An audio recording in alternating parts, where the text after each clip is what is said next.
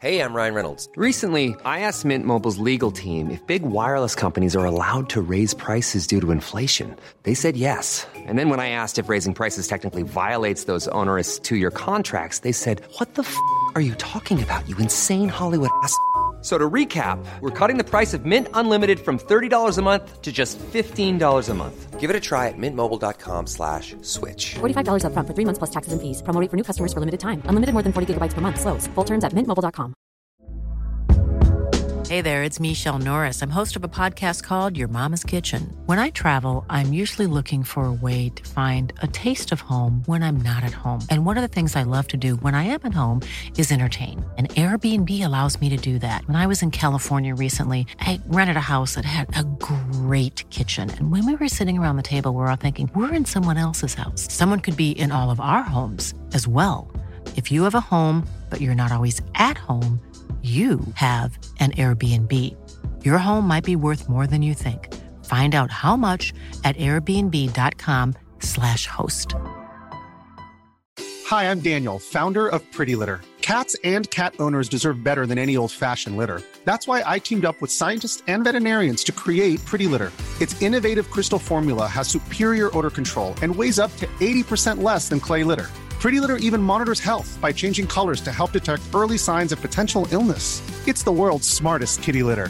Go to prettylitter.com and use code ACAST for 20% off your first order and a free cat toy. Terms and conditions apply. See site for details.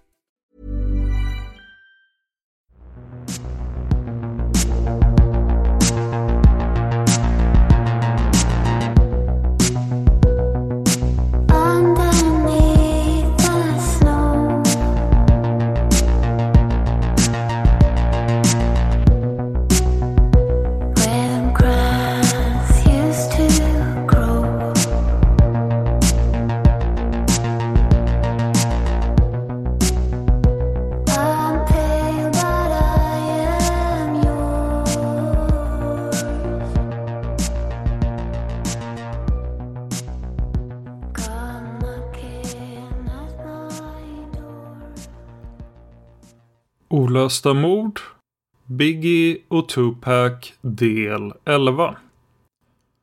Jag heter David Oskarsson och det är jag som skrivit detta avsnitt. Varning!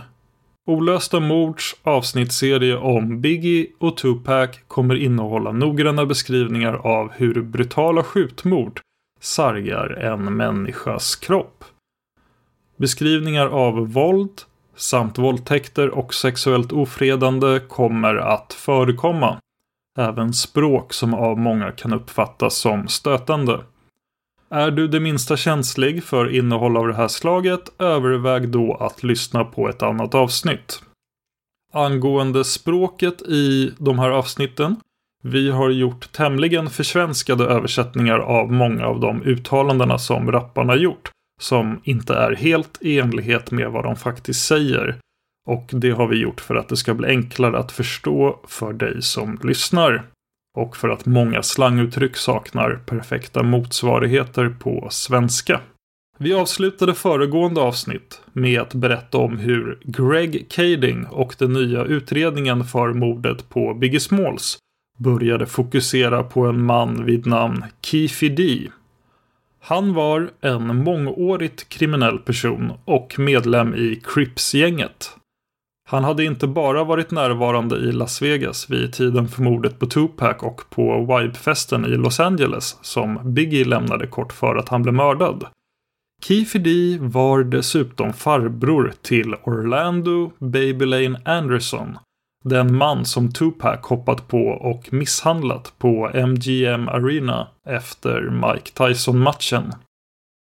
Crips-gänget började bli särskilt intressant för den nya utredningen. Särskilt som det skulle framkomma att det kort efter mordet på Tupac började florera ett rykte att Bad Boy Records, Puff Daddys skivbolag, var skyldiga Crips en miljon dollar.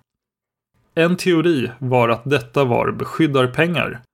Men en annan minst lika vanlig idé var att denna summa var en betalning för mordet på Tupac. Detta fick i sin tur Greg Kading att återgå till ett av Russell Pools hetaste spår. Uppgifterna från informatören Psycho Mike. Psycho Mike hade nämnt flera namn i samband med att han nämnde Amir som Russell Poole kopplade till Amir Mohammed, även känd som Harry Billups. Greg kollade upp vilka de andra namnen var som Psycho Mike hade nämnt. Två av dem var Kenny och Kiki. Frågan var nu om Psycho Mike möjligen hört dessa namn fel och i själva verket hade menat Kifi som i Kifi D. När Greg och specialstyrkan fick tag på Kifi D och skulle ordna ett förhör med honom gjorde Keefe det som på engelska kallas för Lawyer Up. Alltså, han valde att gömma sig bakom en mur av skickliga advokater för att inte behöva delta i något samtal överhuvudtaget. Detta gjorde det extra angeläget för Greg och hans kollegor att faktiskt få till förhöret och de använde följande sluga tillvägagångssätt. I och med FBIs delaktighet i specialstyrkan framkom det att Kifidi förekommit i en annan federal utredning gällande narkotikasmuggling. Specialstyrkan och FBI samarbetade med att komplettera och slutföra denna utredning för att kunna ställa Kifidi mot väggen med ett ultimatum. Och det ultimatumet skulle man kunna sammanfatta på följande vis. Berätta det du vet om morden på Biggie och Tupac eller förbered dig på ett långt fängelsestraff för narkotikasmuggling. Och det funkade. Kifidi hade plötsligt inget val. Han var så illa tvungen att berätta det han visste. Hej, jag Ryan Reynolds. På Mint Mobile, we like to do the opposite of what Big Wireless does. They charge you a lot, we charge you a little. So naturally, when they announced they'd be raising their prices due to inflation, we decided to deflate our prices due to not hating you. That's right. We're cutting the price of Mint Unlimited from $30 a month to just $15 a month. Give it a try at mintmobile.com slash switch. $45 upfront for three months plus taxes and fees. Promote rate for new customers for limited time. Unlimited more than 40 gigabytes per month. Slows. Full terms at mintmobile.com. There's never been a faster or easier way to start your weight loss journey than with PlushCare. PlushCare accepts most insurance plans and gives you online access to board-certified physicians who can prescribe FDA-approved weight loss medications like Wigovi and Zepbound for those who qualify. Take charge of your health and speak with a board-certified physician about a weight loss plan that's right for you. Get started today at plushcare.com slash weight loss. That's plushcare.com slash weight loss. plushcare.com slash weight loss. Everyone knows therapy is great for solving problems, but getting therapy has its own problems too, like finding the right therapist, fitting into their schedule, and of course, the cost. Well, BetterHelp can solve those problems. It's totally online and built around your schedule. It's surprisingly affordable too. Connect with a credentialed therapist by phone, video, or online chat, all from the comfort of your home. Visit betterhelp.com to learn more and save 10% on your first month. That's BetterHelp H E L P. När en polis i förhör antydde Kifis eventuella inblandning i mordet på Biggie svarade Kifi Det var inte vi. Men det jag har att berätta för er, det kommer fan få er att tappa era jävla hakor i golvet. Kifi D började berätta att han varit vän med Puff Daddy sedan 1993 efter att ha blivit introducerad till honom via en gemensam vän som kallades för SIP, alltså Z-I-P. Allt sedan dess hade Puff Daddy och Bad Boy-gänget varit på god fot med Crips som helhet och flera gånger anlitat medlemmar ur gänget som livvakter. Kiefer D var alltid kontakten mellan Puffy och Crips. Utredningen skulle få många vittnen som kunde bekräfta att Kiefer D och andra Crips-medlemmar umgåtts regelbundet med Puffy och att Kiefer D mycket riktigt var en av gästerna på Vibe-festen i Los Angeles 1997. Efter en Bad Boy-arrangerad konsert i Anaheim i Kalifornien befann sig Keefy D och några andra Crips på en efterfest tillsammans med Puff Daddy. Enligt Keefy skall Puffy då ha sagt inför både Keefy och de andra gängmedlemmarna Tupac och Shug Knight. Jag skulle ge vad som helst för de där snubbarnas huvuden. Enligt Keefy sågs han och Puffy igen några månader senare. Denna gång för ett specifikt möte i källarlokalen under Greenblatt's Deli and Fine Wines på Sunset Strip i västra Hollywood. Här lade Puffy explicit fram ett erbjudande om en miljon dollar för ett dubbelmord på Tupac och Suge Knight. Keefe har i förhör sagt att “Jag hade gjort det för bara 50 000 dollar”. Under dagen den 7 september 1996 åkte Keefe D och Zip tillsammans till Las Vegas i Zips Mercedes-Benz. Detta för att gå på Mike Tyson-matchen. På väg dit var även Orlando Babylane Anderson och två andra män vid namn Terrence T. Brown Brown och DeAndre Dre Smith. Dessa tre färdades i en vit Cadillac. Du som lyssnar kanske minns att skotten mot Tupac och Suge Knight avlossades från just en sådan bil. Enligt Kifedi var detta bilen de använde för attentatet. En hyrbil som T. Brown hyrt i sin svärmors namn. Men planen var aldrig att mörda Tupac just den kvällen. Incitamentet kom sig av att Orlando kom springandes till restaurangen där Kifi och Zip satt och åt efter matchen och berättade att han blivit misshandlad och nu ville utkräva hämnd. Kifidi såg det som ett lika gott tillfälle som något annat. Problemet, som Kifi såg det, var ju dock att de inte hade några vapen. Men då kunde Zip komma till undsättning. Han sa jag har en Glock gömd i min Mercedes. Sagt och gjort. Alla nämnda fyller de två bilarna. Den vita Cadillacen och Mercedesen. Tillsammans med ett antal extra Crips-medlemmar. En av dessa är Corey Edwards. Vi berättade att han var en person som specialstyrkan ville förhöra men som vägrade prata när de fick tag på honom.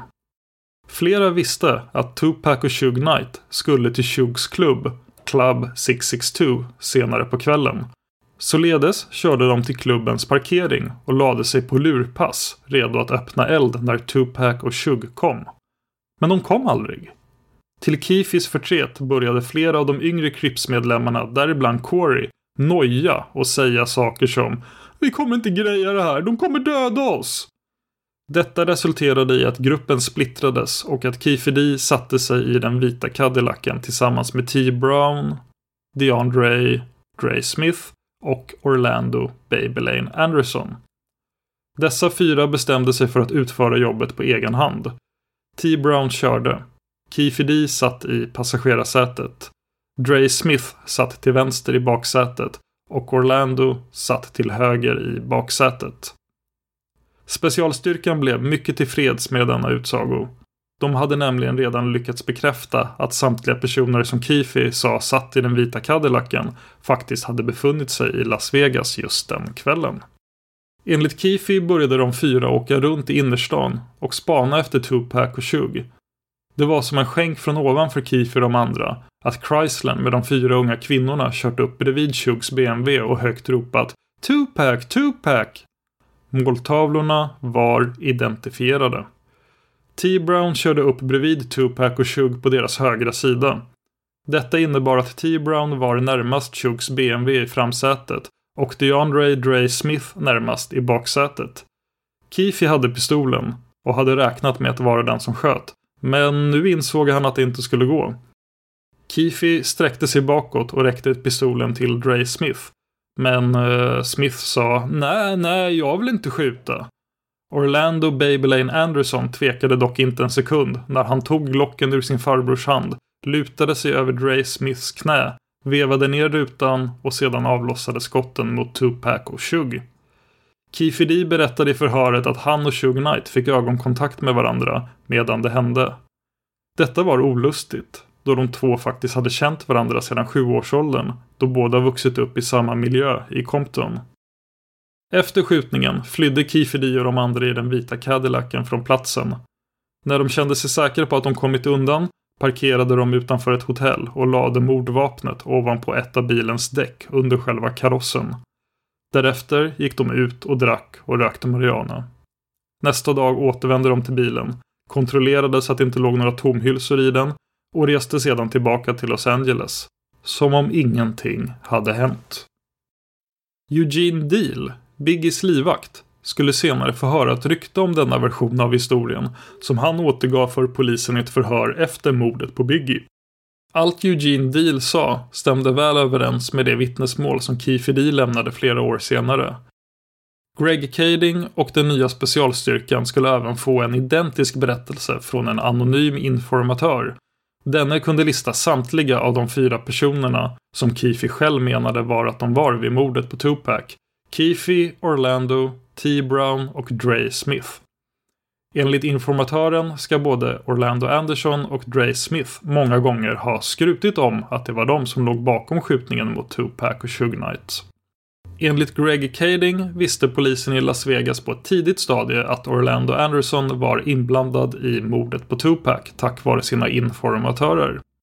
Den enda bevisningen var dock av indicieslag och de kunde inget göra. Ytterligare en intressant detalj. När specialstyrkan gick igenom Russell Pools arbetsmaterial kom de över ett förhör som Pool gjort med sheriffbiträde Chris Howard från Fulton Countys sheriffkontor. Vi ska påminna om vem det här är.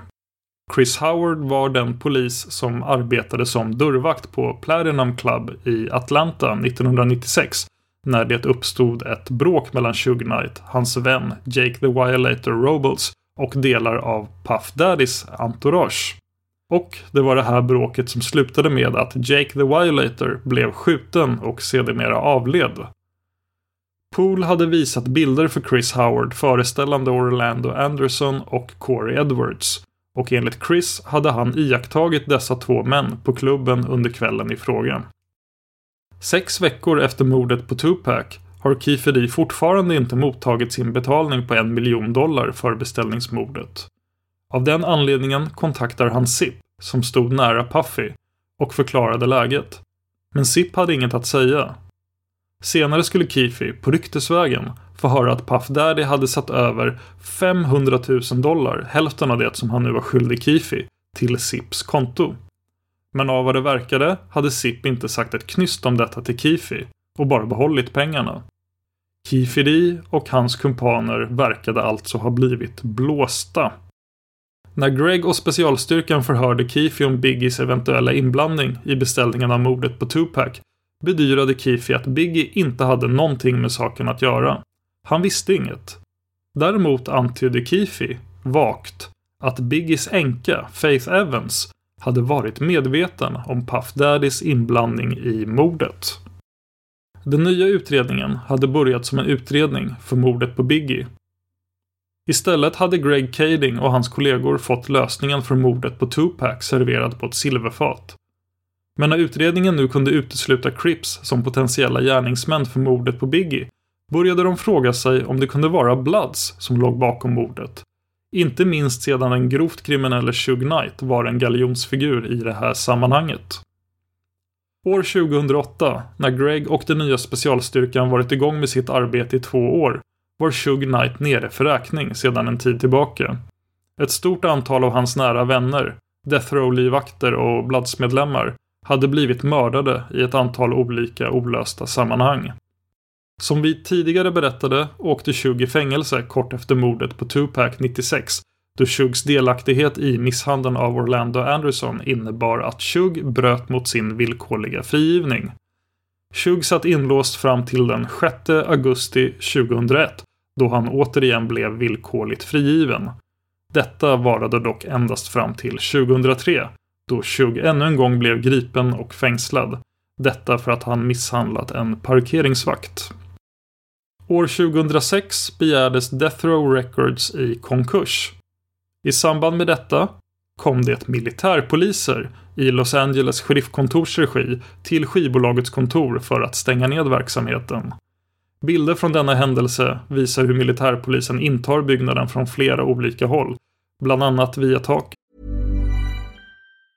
Hej, det är Paige DeSorbo från Giggly Squad. High quality fashion without the price tag. Say hello to Quince. I'm snagging high-end essentials like cozy cashmere sweaters, sleek leather jackets, fine jewelry, and so much more. With Quince being 50 to 80% less than similar brands.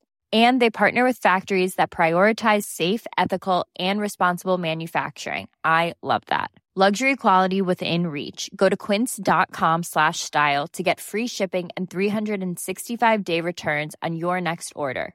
quince.com slash style. Planning for your next trip?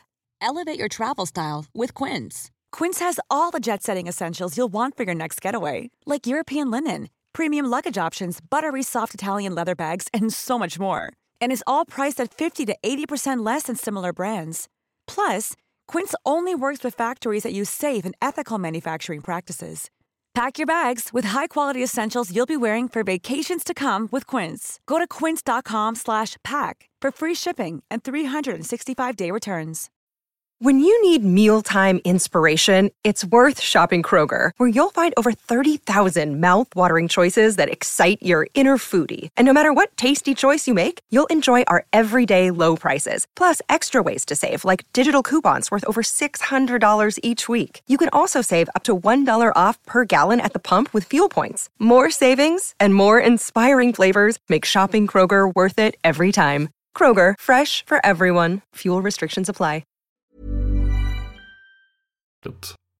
Death Row Records såldes på auktion i juni 2008 till Global Music Group och skulle senare gå igenom flera olika ägare fram till året då detta avsnitt skrevs, 2022, då ingen mindre än Snoop Dogg köpte upp det igen.